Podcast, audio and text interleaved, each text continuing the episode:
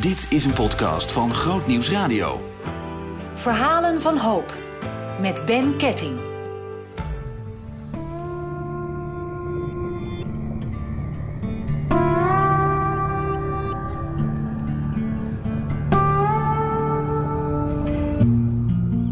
In deze serie Verhalen van Hoop hoor je verhalen van mensen die hebben geleefd met een verslaving.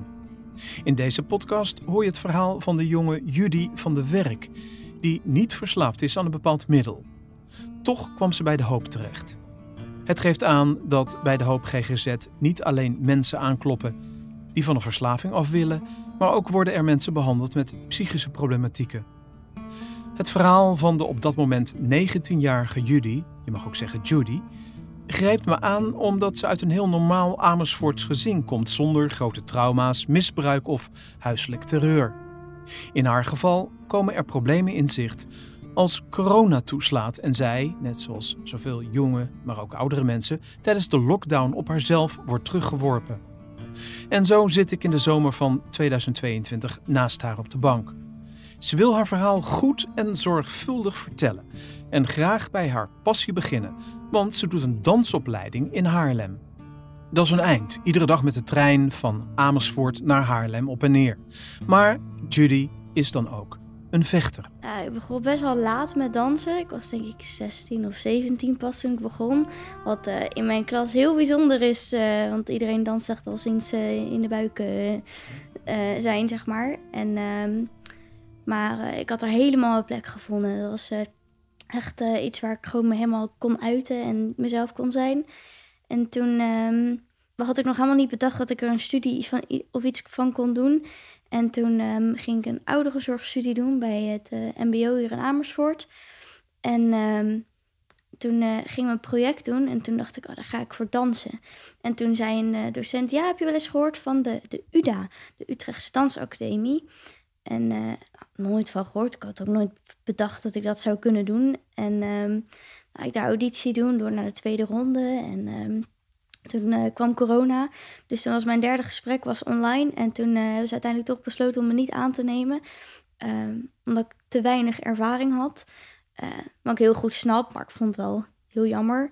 Nou, toen ehm, zakte ik heel diep in, de, in de put. En toen ben ik het EA basisjaar gaan doen. En daar hebben mensen mij heel hard aangemoedigd om toch weer auditie te gaan doen voor een dansopleiding. En nou, de eerste die in mijn browser tevoorschijn kwam, die was in Haarlem.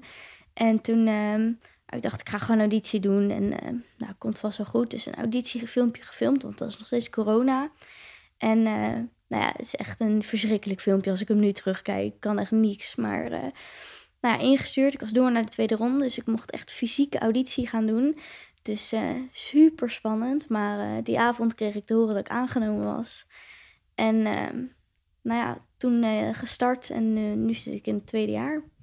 Vind je het leuk om te doen? Absoluut. Echt uh, super zwaar. Kapot moe ben ik de hele tijd, maar het brengt me zoveel geluk. Je zegt, uh, het brengt me zoveel geluk. Um, het is nog niet zo heel lang geleden, eigenlijk maar een paar jaar, dat jouw geluk een klein beetje in de verdrukking kwam. Ik, ik druk het misschien een klein beetje zwak uit, maar kan je eens vertellen, want je bent gewoon opgevoed in een gewoon gezin, kan je eens vertellen uh, waar begonnen er eigenlijk wat problemen te komen? Problemen begonnen te komen. Ja, ik wil zeggen, middelbare school. Ja, er is zoveel druk om je heen van al die mensen. Ik moet ook zeggen dat ik het schoolsysteem ook niet helemaal eens ben. Uh, omdat je met zoveel mensen op school zit. En diversiteit is hartstikke goed. Maar omdat je ook in de bloei bent van je leven en jezelf gaat ontdekken, voelde ik heel veel druk op wie wil ik zijn, wat wil ik doen. En iedereen vindt overal wat van. Dus Um, nou, in de eerste klas heb ik mijn haar geverfd. En um, nou, dat was heel gek. was echt, uh, nou, daar werd ik heel veel om gepest. En dat was echt iets uh, van, ja, waarom doe je dat nou weer? Nou, ik heb het nog steeds. Dus um, het is blauw, de bedoeling dat het blauw is. Maar ik heb het echt al heel lang niet meer geverfd. Dus het is allemaal uitgevaagd. Maar ja, dat heb je in de studententijd. Heb je geen geld meer om verf te kopen. Dus dan wordt het maar groen, hè? Nee, maar, maar het was gewoon, ik kon mezelf niet goed herkennen in mensen ook. Dat ik altijd best wel een volwassen blik heb gehad op dingen. Ehm, dat werd ook gezegd de eerste keer dat ik eh, bij mijn therapieplek was. eh, door mijn therapeut. Zei, ja, je, je hebt echt een hele grote, gezonde volwassene in je hersenen. Zit ik. Daar herkende ik me wel in. Komt dat een beetje, Judy, omdat, ehm, omdat je bent wat klein van stuk. Als je zou zeggen, ik ben 16 of 17, dan zou ik het ook geloven. Maar jij bent 19 jaar nu. Is dat ook wat je in je leven een klein beetje hebt meegemaakt? Dat mensen dan dachten van, oh ja, nou, dat ze je niet zo zagen staan of zo misschien wel. ik denk dat ik daar onbewust wel heel veel mee bezig ben geweest. Omdat, eh, nou, ik werd ook wel nare dingen geroepen van... hé, hey, eh, rugtas, waar ga je met dat meisje heen en zo. Dus het werd ook wel goed duidelijk gemaakt dat ik klein was. Ik denk dat ik dan onbewust daarin een compensatie heb eh, ingevuld. Ja, ik denk niet dat daar mijn volwassen blik vandaan komt. In je spreken ben je heel volwassen en heel ontwikkeld, laat maar zeggen. Ja, ik lees ook veel artikelen over hoe de hersenen werken en zo, omdat ik het gewoon heel interessant vind. Allemaal van die artikelen van ik, universitaire studies en zo, die, ehm, ja, doe MBO, MBO-mensen, om te zaakjes te zeggen, niet kunnen snappen. Maar om daar intellectueel door uitgedaagd te worden, vind ik dat heel leuk. Ehm, misschien is het ook wel daarom dat ik, eh, toen ik het artikel las, eh, wat er over jou geschreven was, in het interview met jou, toen dacht ik van wauw, wat is het toch eh, gedetailleerd, maar ook duidelijk verteld. Wat voor verhaal wil je eigenlijk vertellen? Ik wil graag een verhaal vertellen over ehm, dat ook al gebeurt er zoveel om je heen en kan je zo diep in de put zakken en dan nog dieper graven terwijl je al aan het einde van de aarde bent.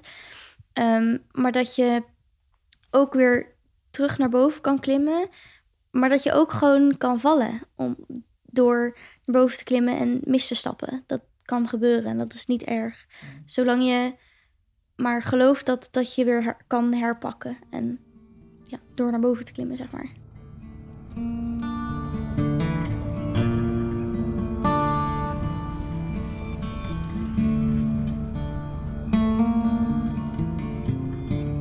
Waar begint eh, jouw conflict eigenlijk in je leven? Je hebt net al iets verteld over, over school, maar dan gebeurt er thuis ook wat. Nou ja, mijn thuissituatie eh, waarin ik ze dus het meest nodig had... met een verandering naar de middelbare school en boeken en eh, mensen. En ehm, toen zakte mijn ehm, support system, zoals mensen dat wel eens noemen, zakte een beetje weg. Mijn vader werd best wel ernstig ziek en ehm, ook emotioneel eh, kon hij het gewoon niet zo goed aan om ehm, ja, door, voor, voor ons te zijn als kinderen. En ehm, mijn moeder probeerde alles op te nemen en alles te doen en eh, ehm, ja, niet neer te vallen. En toen is ze dus keihard neergevallen. Met hoeveel kinderen waren, zijn jullie thuis dan? Eh, toen waren we met vier kinderen thuis. Je vader werd ziek. Ja, best wel. Die heeft ziekte ROW, Rendu-Osler-Weber. Het is heel onbekend. Eh, het is erfelijk, eh, dus ik ben er ook mee gezegend, eh, zullen we maar zeggen. Ehm, ja, je weet nooit hoe het uitpakt en of het überhaupt echt effect heeft op je leven. Maar bij mijn vader zakt er een heleboel energie in weg. Want wat gebeurde er? Want het was ook heel, heel duidelijk te zien. Nou ja, als je Rendu of Weber hebt, dan heb je een ziekte aan je haarvaten. Eh, wat er gebeurt is dat die aan elkaar klonteren. Ehm, en dan eh, gaat er dus driedubbel of vierdubbel zoveel bloed eh, door zo'n ontzettend klein vat heen. waardoor die ehm, knappen. Ehm, en dan krijg je kleine bloedingen, zeg maar. En ehm, je hebt twee types. Je hebt het type in je lever en in je longen. En eh, het type in je huid. Ehm, en in je huid zit het dus heel erg dicht op de huid. Ik heb ook allemaal van die rode plekjes. ehm, op mijn rug ook heel veel. Ehm, en, en dat gebeurt dus ook aan de binnenkant van de neus. En wat daar het gevaarlijk aan is, is dat je een bloedneus hebt die niet meer stopt. Eh, en mijn vader heeft wel eens bloedneuzen gehad van eh, zo'n twee uur, waarin hij bijna 2, 3 liter bloed verliest. En dan kan je denken, dat, dat kan niet, want dat is bijna al je bloed. Dat klopt, dat is inderdaad bijna al je bloed. En ik heb het letterlijk voor mijn ogen zien gebeuren dat het kan. Dus jij was er ook zelf heel erg druk mee, eigenlijk toen je vader eh, die ziekte kreeg en, en, en dat bloeden begon. Werd je daar constant mee geconfronteerd? Hoe ging dat? nou ja, mijn vader had op een gegeven moment gewoon om de dag een bloedneus. En eh, om de dag was ik dus ook weer in het ziekenhuis voor een eh, bloedtransfusie. Ehm, dus als je thuis kwam, dan was het eerst eh, door de gaatjes van de poort ehm, kijken of eh, er dus iemand extra op de bank zat. Of dat je mijn vader in de keuken kon zien boven de gootsteen eh, hangen, zeg maar. Dus was altijd eerst kijken wat er aan de hand is voordat je naar binnen gaat. En ja, ik zat ook wel eens boven op mijn kamer en dan hoor je hem zeg maar als een neus ophalen, zeg maar van onrustig en ja, dat het gewoon bijna misgaat dus eigenlijk. En dan weet je dus, oké, de komende paar uren wil ik liever niet naar beneden. Maar, ja, je hoort hem ook wel eens schreeuwen als hij een bloedneus heeft. Ja, Judy, eh, kan je dit pakken of dit pakken? En dan, ja, ook al hoor je niet echt goed wat hij zegt, maar dan weet je gewoon een ijsklontje en een icepack moet je pakken. Ehm, in de hoop dat hij wat afkoelt, zodat het gaat stollen. Kan je zeggen dat jij je vader eigenlijk ook al een beetje hebt verzorgd dan? Ja, ja eh, het heet zo'n jonge mantelzorger en dat ben ik zeker geweest, ja. Ook, ehm, ik kookte heel veel. Ik kookte echt eh, vier, vijf keer in de week. Ehm, vanaf dat ik ehm 13, 14 ben, denk ik ongeveer. Dus dat is vrij jong. Ehm, en aan de ene kant ben ik er dankbaar voor, want ik eh, kan goed koken. Aan de andere kant merk ik wel dat het op een gegeven moment heel zwaar voor me was. Ook in de tijd vooral dat, het, dat ik emotioneel niet zo goed kon plaatsen waar ik eh, in stond. Ehm, was dat nog een extra druk die er eh, bovenop komt. Je zegt ik moest vier, vijf keer koken in de week, maar eh, deed je moeder dat dan niet? Ehm, nee, mijn moeder eh, werkte heel veel, dus die kwam dan pas heel laat thuis. En mijn vader had niet de energie om ehm, te koken. En die is ook echt, die is nu volledig arbeidsongeschikt verklaard. Dus ehm, ja, die werkt niet. Dus mijn moeder is de, ja, de kostwinnaar in het gezin, zeg maar. En ehm, toen mijn eh, ouders dus allebei tegelijkertijd wegzakten, hebben wij financieel ook best wel een klap gehad. Dus ehm, toen moest mijn moeder wel vrij snel alweer aan het werk gaan. En dan best wel lange dagen maken. eh, zodat ze smiddags dan heel eventjes een uur of twee uur voor zichzelf had. Om wel aan haarzelf te kunnen denken, zeg maar.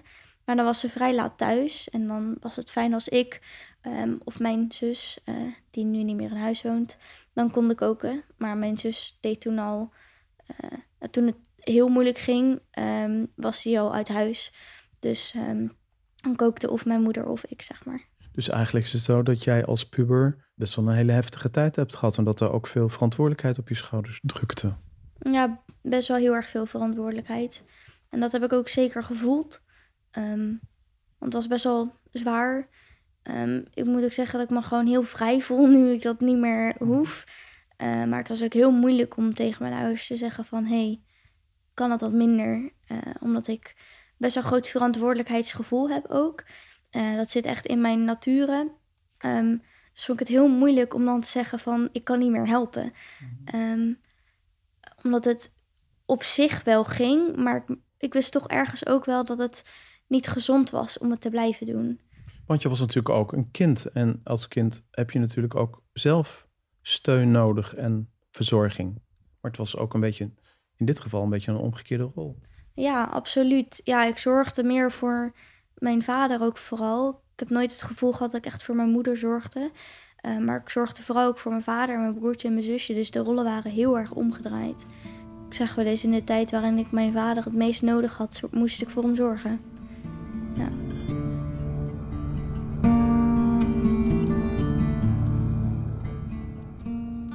Met een werkende moeder en een vader die ziek thuis is, valt er veel op de schouders van Judy. Alsof dit allemaal nog niet ingrijpend genoeg is, dient er zich een nieuw probleem aan. Corona begon toen ik uh, überhaupt al ongelukkig was op een opleiding die ik eigenlijk niet wilde doen. En uh, nou, moet ik toegeven dat het enige fijne wat ik van de corona vond, was dat ik geen stage meer hoefde te lopen. Want ik uh, liep bij een um, ouderenzorgbedrijf. Dat was heel zwaar. Dus ik was heel blij dat corona was en we niet meer naar binnen mochten, zeg maar. Um, maar um, mijn enige steun was nog met vrienden afspreken en fysiek naar school gaan. Om wel echt mensen te zien. Ook al mocht ik ze eigenlijk helemaal niet. Maar ik zag dan nog mensen, dus dat hielp mij dan wel weer. Uh, en ik kon ook goed overweg met uh, bepaalde docenten. Dus daar bleef ik altijd heel lang hangen nog. Um, en ik merkte dat dat echt um, ja, heel zwaar was. Ik ben een ontzettend sociaal dier. Ik heb echt ehm, mensen nodig om eh, een goed leven te leiden, zeg maar. En eh, ja, dat viel gewoon heel erg hard weg. Ehm, ik had dan gelukkig nog wel de Jumbo waar ik werkte uh, als kassamedewerker. Dus dat was dan wel nog contact. Ik heb ook echt een heleboel vaste klanten gehad die ik nog wel eens zie. En dan zwaaien ze nog heel lief. En het was wel grappig toen ik daar wegging. Um, kreeg ik allemaal cadeautjes van die mensen. Ik dacht van, wat? Mhm. Waarom dat dan? van, uh, omdat ik ook merkte dat voor de mensen waarmee ik dus um, op de woensdagavond en de donderdagavond dan ging kletsen, dat dat voor hun ook echt een, een highlight was. Een, een, een lichtpuntje in zeg maar hun uh, week. Omdat zij ook natuurlijk geen um, sociaal contact meer konden hebben. Ik zat heel veel alleen op mijn kamer. tot echt heel laat. Dan had ik een werker gezet voor uh, vijf voor half negen, want om half negen begon mijn les. En um, ja, ik heb tijdens die lessen niet echt meegedaan, moet ik ook eerlijk toegeven. Wat um, het ook maakte dat ik me nog meer alleen voelde, omdat ik um, niet in de les werd getrokken, waardoor ik toch nog een beetje iets van een sociaal contact had. Dat, dat was er ook echt niet. Docenten waren er ook helemaal klaar mee. Die uh, hadden er ook geen zin in. Die zijn opgeleid om fysiek les te geven, niet online. Jullie, als je die tijd moet omschrijven, dat je vader hier ziek is, coronatijd, dat jij boven op je kamer zit, weinig contact hebt met buiten, hoe kan je dan het beste omschrijven? Het was heel eenzaam. Ja, dat je gewoon hele nachten en dagen eigenlijk gewoon opgesloten in je kamer zit. Um, dat zorgt er gewoon voor dat je, dat je gewoon helemaal alleen bent. Op een gegeven moment uh, zat ik met uh, al mijn knuffels zeg maar in bed. En dat was dan nog de uh, comfort uh, wat ik eruit kon halen. Ik kan me ook niet heel veel herinneren van die tijd. Je bent op dat moment afgewezen voor een dansopleiding. je was heel veel thuis. Er waren problemen. je spreekt dan niemand meer. Kon je nog mensen bellen? Ik kon met Daniel bellen. Um, maar die was ook heel druk bij de Jumbo. Die uh, was een collega van de Jumbo? Ja, was een collega van de Jumbo inderdaad. Daar ben ik uh, hele goede vrienden mee geworden. Daar kon ik altijd heel leuk mee lachen. Uh, tijdens en na werk. Dus die kon ik bellen. Maar die was ook heel druk bij de Jumbo. Dus die kon ook echt niet altijd opnemen. Um, en ik wist ook... Uh, ik voelde me ook heel erg schuldig naar hem toe. Van, oh, dan bel ik hem weer. En... Um, omdat, je zo, omdat ik sowieso al heel negatief over mezelf dacht, dacht ik ook van ja, die zit er ook niet op te wachten dat ik hem elke dag bel. Was het dan niet mogelijk om met je moeder of je vader erover te praten? Zodat die je een beetje konden helpen met, met, ja, met, dat, met dat vacuüm waar je in zat, die leegte. Ik wist van mijn vader dat, hij, uh, dat ik daar niet echt mee kon praten. Die was heel druk bezig met zichzelf en beter worden. En um, ja, die was ook niet helemaal emotioneel op een goede plek. En um, ik heb met mijn moeder geprobeerd. Ik heb uh, tegen haar gezegd van ja, ik ja, heb gedachten die ik niet hoor te hebben. En uh, ik weet gewoon echt niet wat ik ermee moet.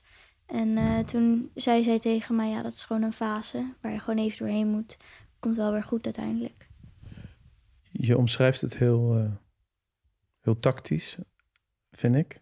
Ik had, ik had gedachtes voor mensen die luisteren en zeggen, wat bedoel je daar precies mee? Want misschien heb ik dat ook al. Kan je daar iets, over uitleggen? Um, ik was suicidaal, dus ik wilde graag um, een einde maken aan mijn leven. Um, en daar dacht ik uh, vrij veel aan. Je zag helemaal geen hoop meer? Nee, nee. Hoe is dat om helemaal geen hoop meer te zien? Kan je dat een beetje omschrijven voor de mensen die luisteren? Toen was je 16, 17 jaar oud was ik ongeveer.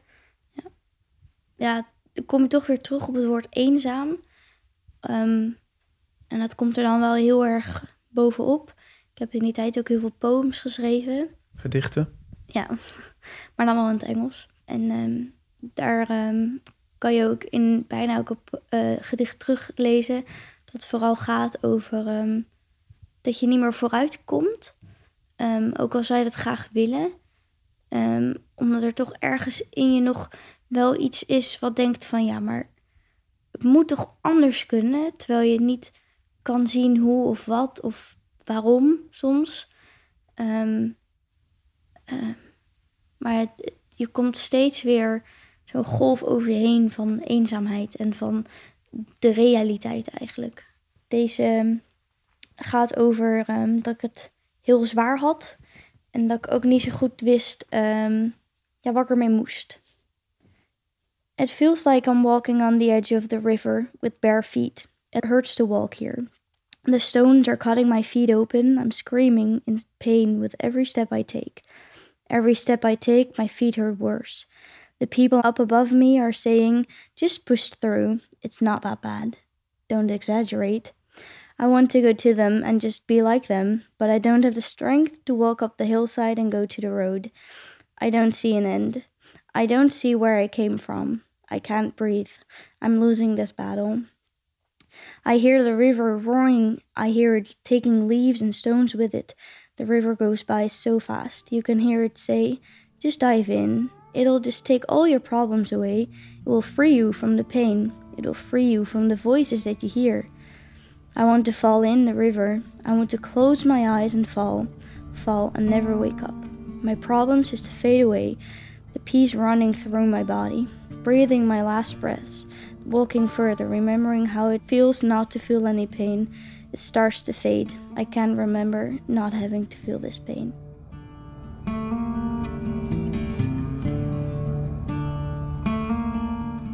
Een sleutelfiguur in deze periode van depressiviteit en eenzaamheid is Daniel. Hij werkt net als jullie bij de supermarkt. Het, het figuurlijke is dat hij ehm, ervoor zorgde dat ik elke keer als ik ging werken met hem, dat ik toch echt wel een, um, een heleboel kon lachen. En ehm, dat ik daar in ieder geval echt gewoon even kon leven. Uh, in plaats van in die roes van eenzaamheid te zijn. En hij redde letterlijk mijn leven, omdat hij uh, de politie heeft gebeld op het moment dat het nodig was. Ik ben uh, hem nu ontzettend dankbaar dat hij er voor me was. Um, het is zeker niet mijn meest favoriete herinnering, maar het is niet een herinnering die ik wegstop. Um, ik schaam me er ook niet voor. Um, maar het is, het is niet een herinnering waarvan ik blij ben dat het is gebeurd.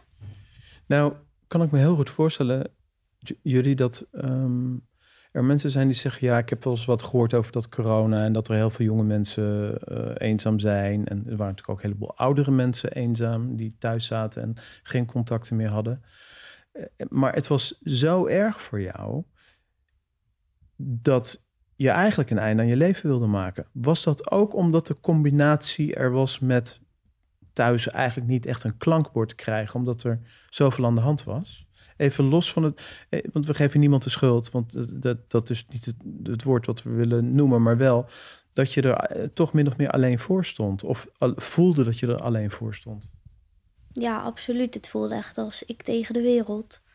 Um, omdat je heel erg uh, op de tv zie dat je allemaal in je eentje isolatie en dit en dat en dat mag niet meer. En op een gegeven moment met die avondklok en um, um, dan, dan um, scherm je jezelf zo af dat je niet alleen het eenzaam, maar het een, in je eentje zijn er ook heel erg is.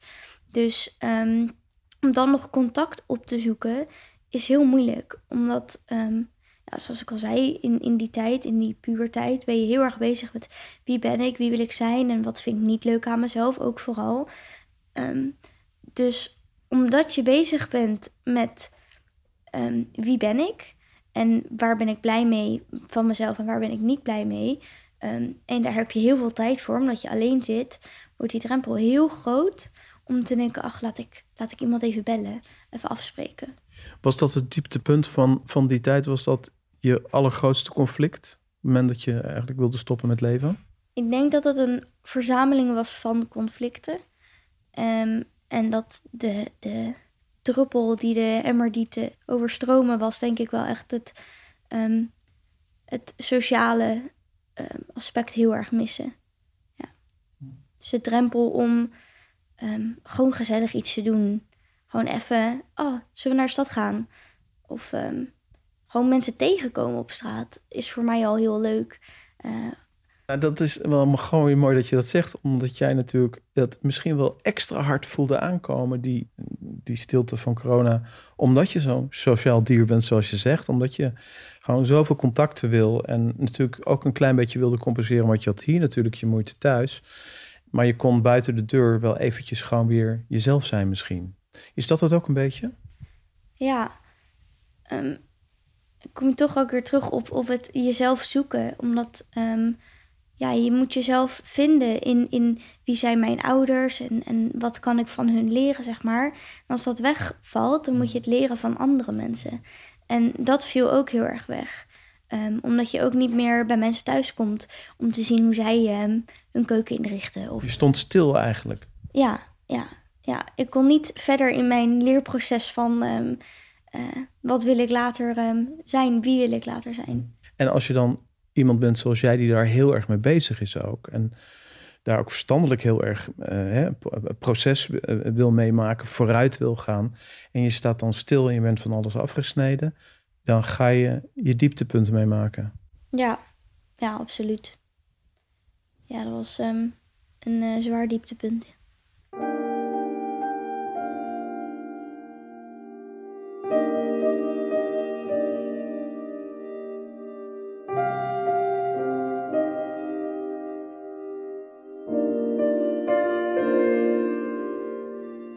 Kan je me meenemen in dat proces, wat er gebeurde? Hij belde de politie en uh, de politie is denk ik hier geweest. Wat, wat, hoe, wat, hoe ging dat? Nou, ik ging koken, dus ik ging naar de, naar de Jumbo uh, om um, ja, boodschappen te doen. En um, ik had, uh, kwam toen Daniel tegen bij, bij het melkschap.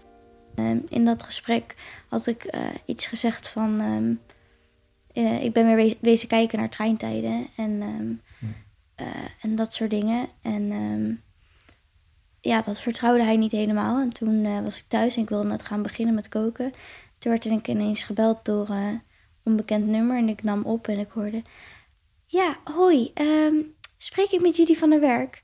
En ik was kak, kak, kak, kak. Um, dus ik snel naar buiten lopen, want mijn moeder zat hier op de bank. En mijn moeder wist ook gelijk, oké, dit is, betekent niet veel goeds.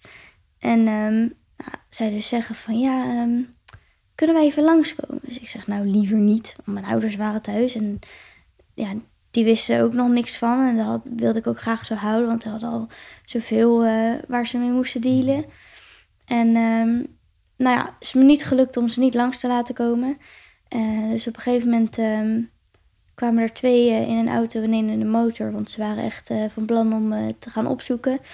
Um, waar ik ook mocht zitten, zeg maar. En um, nou, toen hebben we denk ik echt één, twee uur lang hier een gesprek gehad. Ja, dat was een best wel zwaar gesprek. Vooral voor mijn ouders. Nou, ze namen het zeer serieus. Ik um, mocht er namelijk voor twee weken niet het huis uit zonder iemand erbij. En de volgende dag moest ik dan gelijk bij de crisisdienst bemelden. En dat moest ik dan dus twee keer per week uh, doen, zeg maar. Ja, dus dan namen ze zeer serieus, ja. ja. Ik denk ook dat dat te maken had met het feit dat Daniel het zo serieus nam, omdat hij mij al kende. Dan wordt eigenlijk al een soort herstel ingezet hè, in je leven. Uh, ik vond het heel mooi om, om te lezen, want je gaat dan uh, Twee keer in de week moet je je melden bij de crisisdienst, want dan willen ze weten, is ze er nog? En uh, hoe gaat het nou met haar? En denkt ze er nog aan? En had je natuurlijk wel wat gesprekken. Um, hoe, hoe was jouw, jouw mindset op dat moment? Die mindset is heel erg veranderd in, in drie dagen. Um, uh, de dag waarop dus de politie hier was, was ik nog steeds van plan om te gaan dag daarna ook. En toen de derde dag was ik, ja, ik ben hier zo klaar mee. Ik ga nu ook gewoon beter worden ook.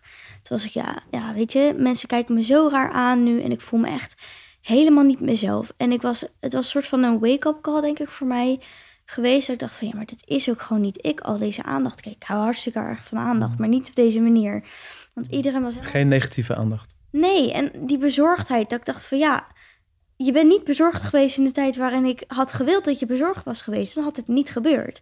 Dus het voelde voor mij echt als een soort neppe bezorgdheid. Alleen maar omdat ze het gevoel hadden dat het moest van de politie. Dat is waarschijnlijk absoluut niet zo, maar voor mijn gevoel was dat. Toen dacht ik, ja, daar wil ik zo snel mogelijk vanaf. Hoe was het van je vader en moeder om dat te horen? Hoe, voelde je tegenover je ouders? Het was de eerste keer in heel lang dat ik mijn vader heb zien huilen. En nou, hij is zelf ontzettend ziek, dus daar kan je ook hartstikke hard om huilen. Maar daar heeft hij niet om gehuild. Maar hij heeft wel ehm, ja, zitten huilen hier op de bank eh, met de politie erbij. En ehm, ik merkte vooral aan, aan de weken daarna dat mijn ouders er heel veel moeite mee hadden. Omdat ze ook gewoon het echt niet aan zagen komen. Mijn moeder, de week van tevoren, zegt ze ja. Toen begon ik eigenlijk pas een beetje te merken. Maar dat je dus zo diep zat ehm, dat ik het pas merkte, dat vond ze heel heftig. Kon je dan goed toneel spelen? Daar heb ik gewoon fantastisch in. Kan ik echt heel goed. Ja, ik ben gewoon natural talent.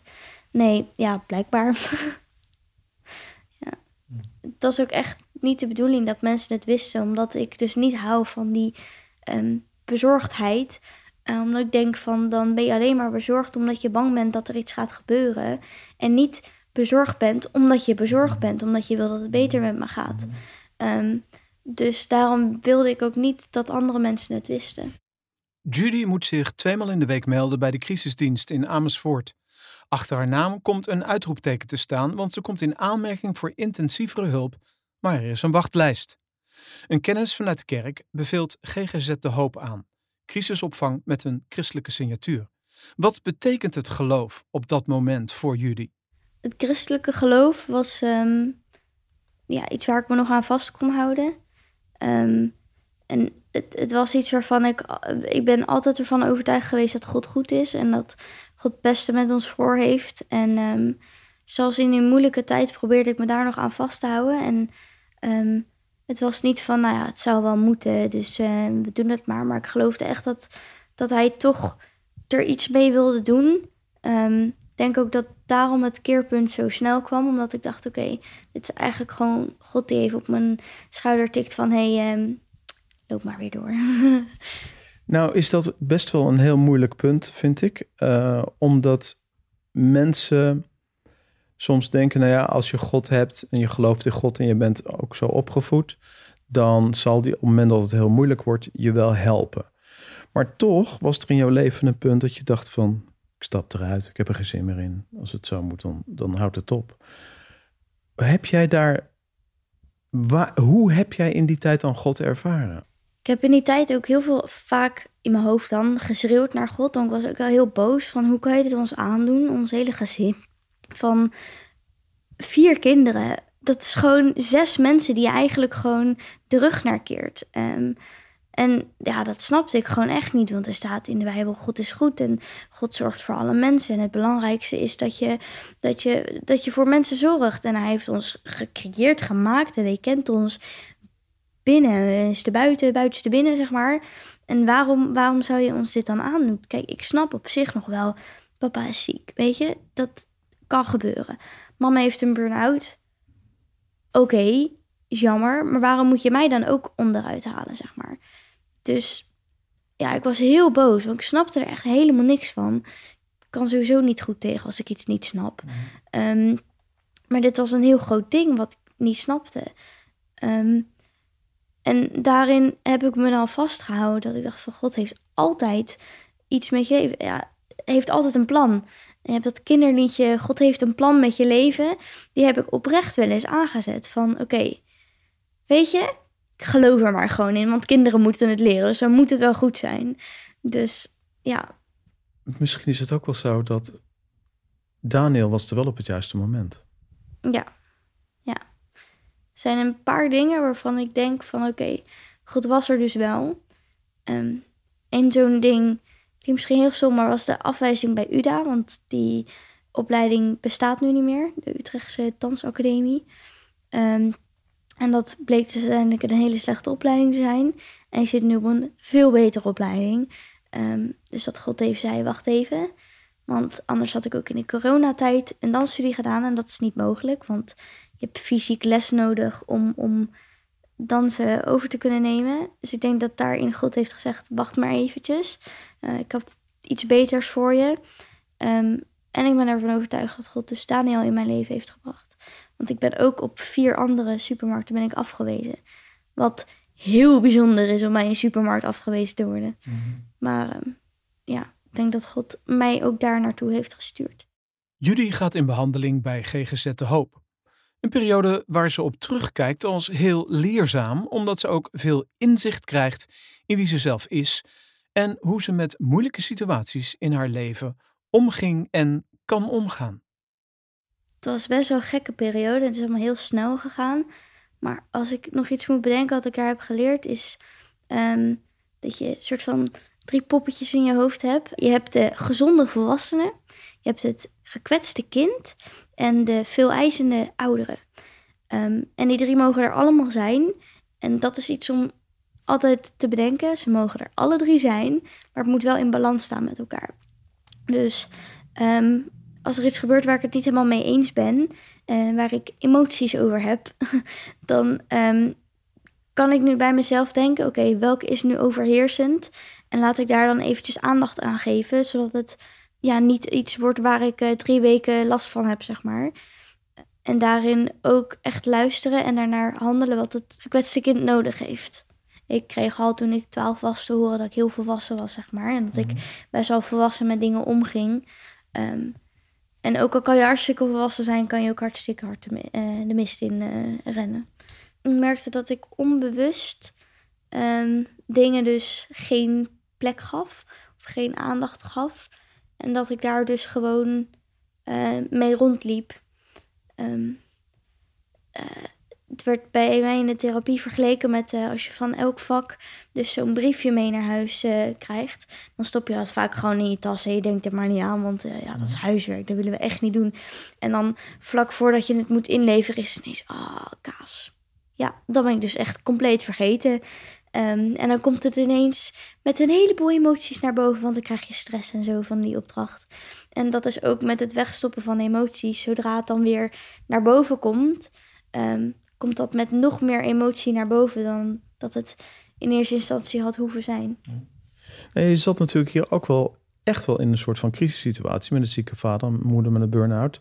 En dan ook nog dat corona. Dat stapelt zich allemaal op, al die conflicten. En dan, dan moet natuurlijk een keertje lucht komen. En ja, dan ga je op zoek naar een oplossing. Is dat een beetje wat, uh, heb ik dat goed, zeg ik dat goed?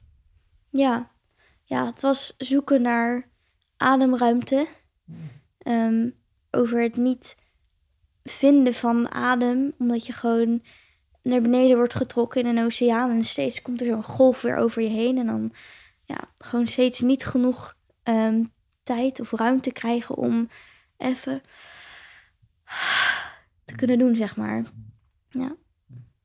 Een van de dingen die je in de therapie leert, uh, dat je iets moet met dat gevoel alleen zijn. Kan, kan je daar iets over vertellen? Ja, ja, ik ging zo naar mijn moeder toe van... Um, ik heb gedachten over het niet meer willen leven. Um, en uh, toen vertelde ze dat zij dat ook vroeger wel eens heeft gehad. Dus dat dat gewoon bij de leeftijd hoort. Dat, dat heeft iedereen wel. En mm-hmm. nou, als je dit luistert, dan denk je vast ook... dat heb ik ook wel ooit een keer gehad. Um, maar daarin heb je wel heel veel verschillende ja, gradaties eigenlijk. Van hoe erg dat is of hoe serieus het genomen moet worden, of wat, wat er moet gebeuren, zeg maar. Um, en bij sommige mensen zou het vast hebben geholpen om te zeggen: Oh, dat komt wel weer goed. Oh, fijn. Oh, opluchting. Oké, dan moeten we er maar gewoon even doorheen. En bij sommige andere mensen, eh, zoals bij mij was, had ik heel wat anders nodig gehad. Dan had ik ja, gewild dat ze zij. Um, ja, dat is, het is gewoon heel zwaar op het moment. Kom hier, ik geef je even een knuffel. En um, we gaan er samen doorheen, want het is echt zwaar. Um, maar we houden gewoon samen hoop. Um, gewoon dat het, het, het, samen doen, vooral omdat ik zo eenzaam voelde, was het heel fijn geweest om te hadden gehoord van mijn moeder: laten we dit samen aanpakken. laten we iets doen ertegen, zeg maar. Of, um... of dat je met iemand praat, iemand zoekt die je daarmee kan helpen, misschien wel. Ja. Nou, ik denk dat als ik op dat moment therapie aangeboden had gekregen, dat ik er niet echt veel aan had gehad. Ik was daarin nog te. ehm, ik was nog heel erg te veel. werd ik geleid door mijn emoties. Waardoor ehm, therapie, denk ik, minder invloed had gehad als dat het uiteindelijk heeft gehad.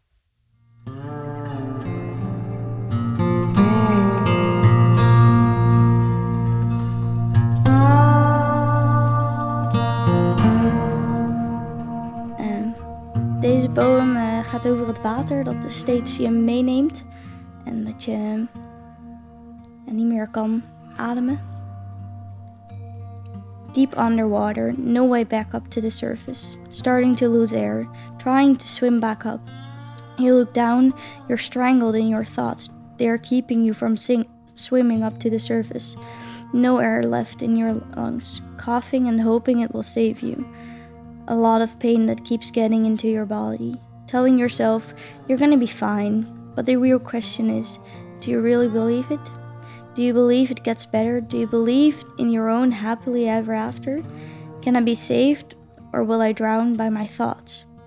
I wanted to clean them up, but now it is just keeping me from being myself, from being alive. Drowning by my own thoughts. Sight is nowhere to be seen.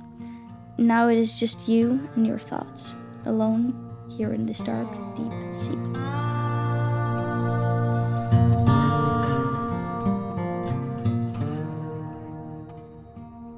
Door de therapie bij de Hoop GGZ, de vrienden om haar heen en de liefde van haar familie krijgt Judy een betere kijk op zichzelf en op de omstandigheden om haar heen die leiden tot suïcidale gedachten.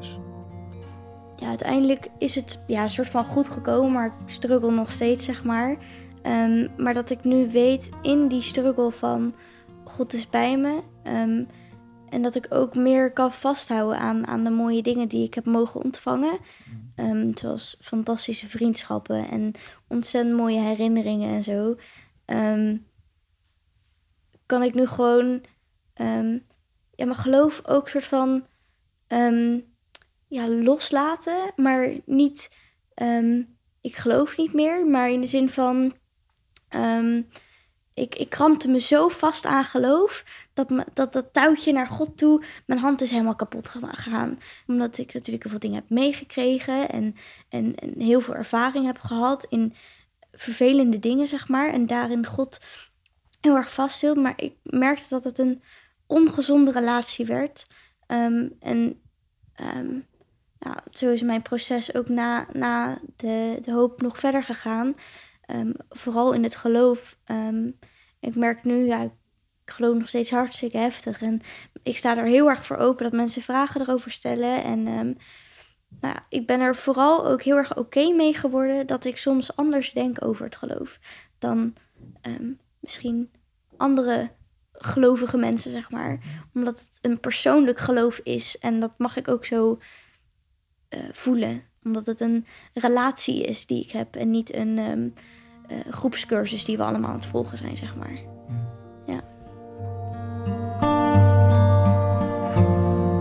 Meest belangrijke wat ik daar heb geleerd ehm, is denk ik een beetje door mezelf, maar het, het je niet alleen hoeven te voelen. Ehm, ook al kan je je heel alleen voelen, weet dat je niet in dingen alleen staat. En dan kan ik heel cliché zeggen, ja, want God is altijd bij je. Ehm, het is wel zo, maar het is eigenlijk de wereld tegen de wereld in plaats van jij tegen de wereld. Ehm, want iedereen maakt hetzelfde mee. In een zekere zin, iedereen heeft corona meegemaakt. Iedereen merkt ehm, dat het weer kouder wordt en dat het weer sneller donker wordt. Dus dat je daarin ja, soms gewoon wat meer somber kan worden. Ehm, en dus het is, het is niet jij tegen de wereld, maar wij tegen de wereld.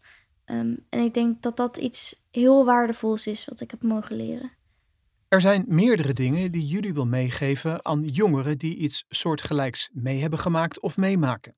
Zo kwam ook het idee tot stand om in samenwerking met de Hoop GGZ meidenavonden te organiseren, waarin ze haar verhaal kan delen met leeftijdsgenoten. Ik denk de belangrijkste boodschap die ik nu zou kunnen meegeven is het... ehm, jouw gevoelens doen ertoe.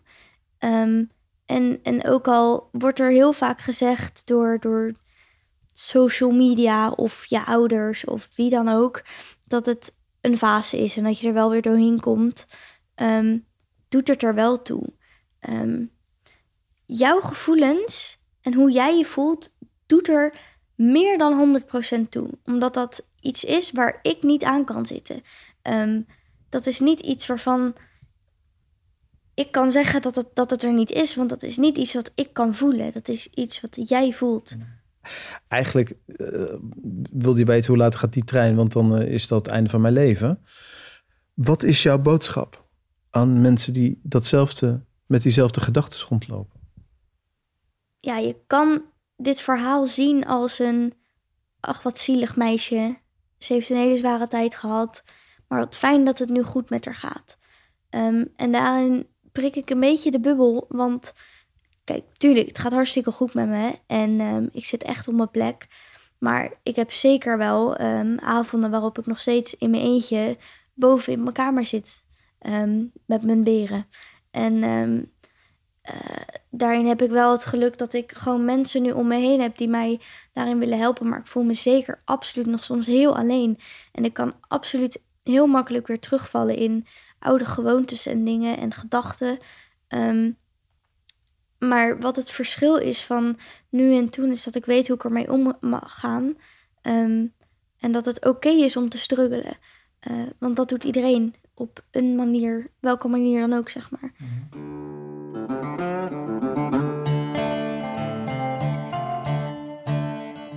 Maar er wordt vaak uh, ge gezegd van ja, je ziet vast ooit wel een keer het licht aan, uh, licht aan het einde van de tunnel.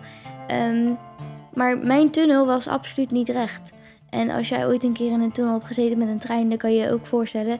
Um, dan kan je echt absoluut niet meteen zien uh, waar het licht is. Dus um, als jij het gevoel hebt dat je in een tunnel zit, dan hoef je er niet vanuit te gaan dat um, het een rechte tunnel is. Dus dat je gewoon maar moet doorlopen, maar je blijft het licht zien.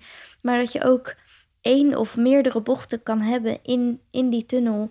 Um, het kan ook zijn dat jouw tunnel een deurtje heeft. Je weet het niet. Als je het licht niet kan zien, um, kan je proberen om, om, om te gaan zoeken naar een lichtje. Um, om, om in, in de kleine dingetjes te gaan kijken van... oké, kan ik hier plezier uithalen? Kan ik hier een lichtje uithalen? Um, en als dat niet werkt, kan je ook proberen om zelf een lichtje te zijn. Dus om um, gewoon dingen uit te proberen. Om, um, ja, om er meer te zijn voor mensen. Wat, wat in mijn proces heel erg heeft geholpen is om nou, dit soort dingen te doen, zeg maar. Om, om een lichtje te mogen zijn voor anderen. Om erover te praten. Ja, om erover te praten. En ook om, om herkenning te zoeken bij andere mensen. Omdat je daarin elkaar heel erg kan aansterken. Van, oh, dat heb jij ook al, wat fijn. Dan voel ik me daar in ieder geval niet zo alleen in. Mm um, want het, de eenzaamheid was er natuurlijk in coronatijd, maar dat is zeker nog niet de wereld uit. Er blijft dus werk aan de winkel, maar gelukkig weet jullie nu hoe ze met periodes van eenzaamheid om kan gaan. Is er ook iets veranderd in de relatie met haar ouders? Um, het is niet zozeer veranderd als in um, drastisch veranderd en uh, echt de verhouding is helemaal anders. Maar het is wel veranderd in de zin van um, ik kan gewoon met ze praten. Opener. Ja, veel meer open. Ja, we staan meer open naar elkaar ook. Um, durf te delen was een van de dingen die je hè, durft dingen te vertellen ook, die je hebt geleerd. Dat is ook wat je nu met je ouders wel, wel, wel meer doet. Ja, um, en ik merk ook dat als ik iets vertel, dat ze niet zomaar zeggen, mm -hmm, maar dat ze dan echt doorvragen ook, omdat ze echt geïnteresseerd zijn. Um, en dat is iets wat heel, wel heel erg is veranderd. Um, de toekomst? Ik wil graag dansdocent worden. Uh, modern contemporary het liefst, aan uh, tieners. En um, daarnaast wil ik misschien fysio gaan doen. Iets wat ik wel graag in de toekomst wil doen, wat ik elke keer zeg, ik wil heel graag spreken op New Wine. Het is een zomerconferentie en uh, dat zou ik graag willen. En dan op het Next terrein voor de tieners. daar wil ik dan mijn eh, verhaal delen. En iets in mij zegt dat dat wel zal lukken.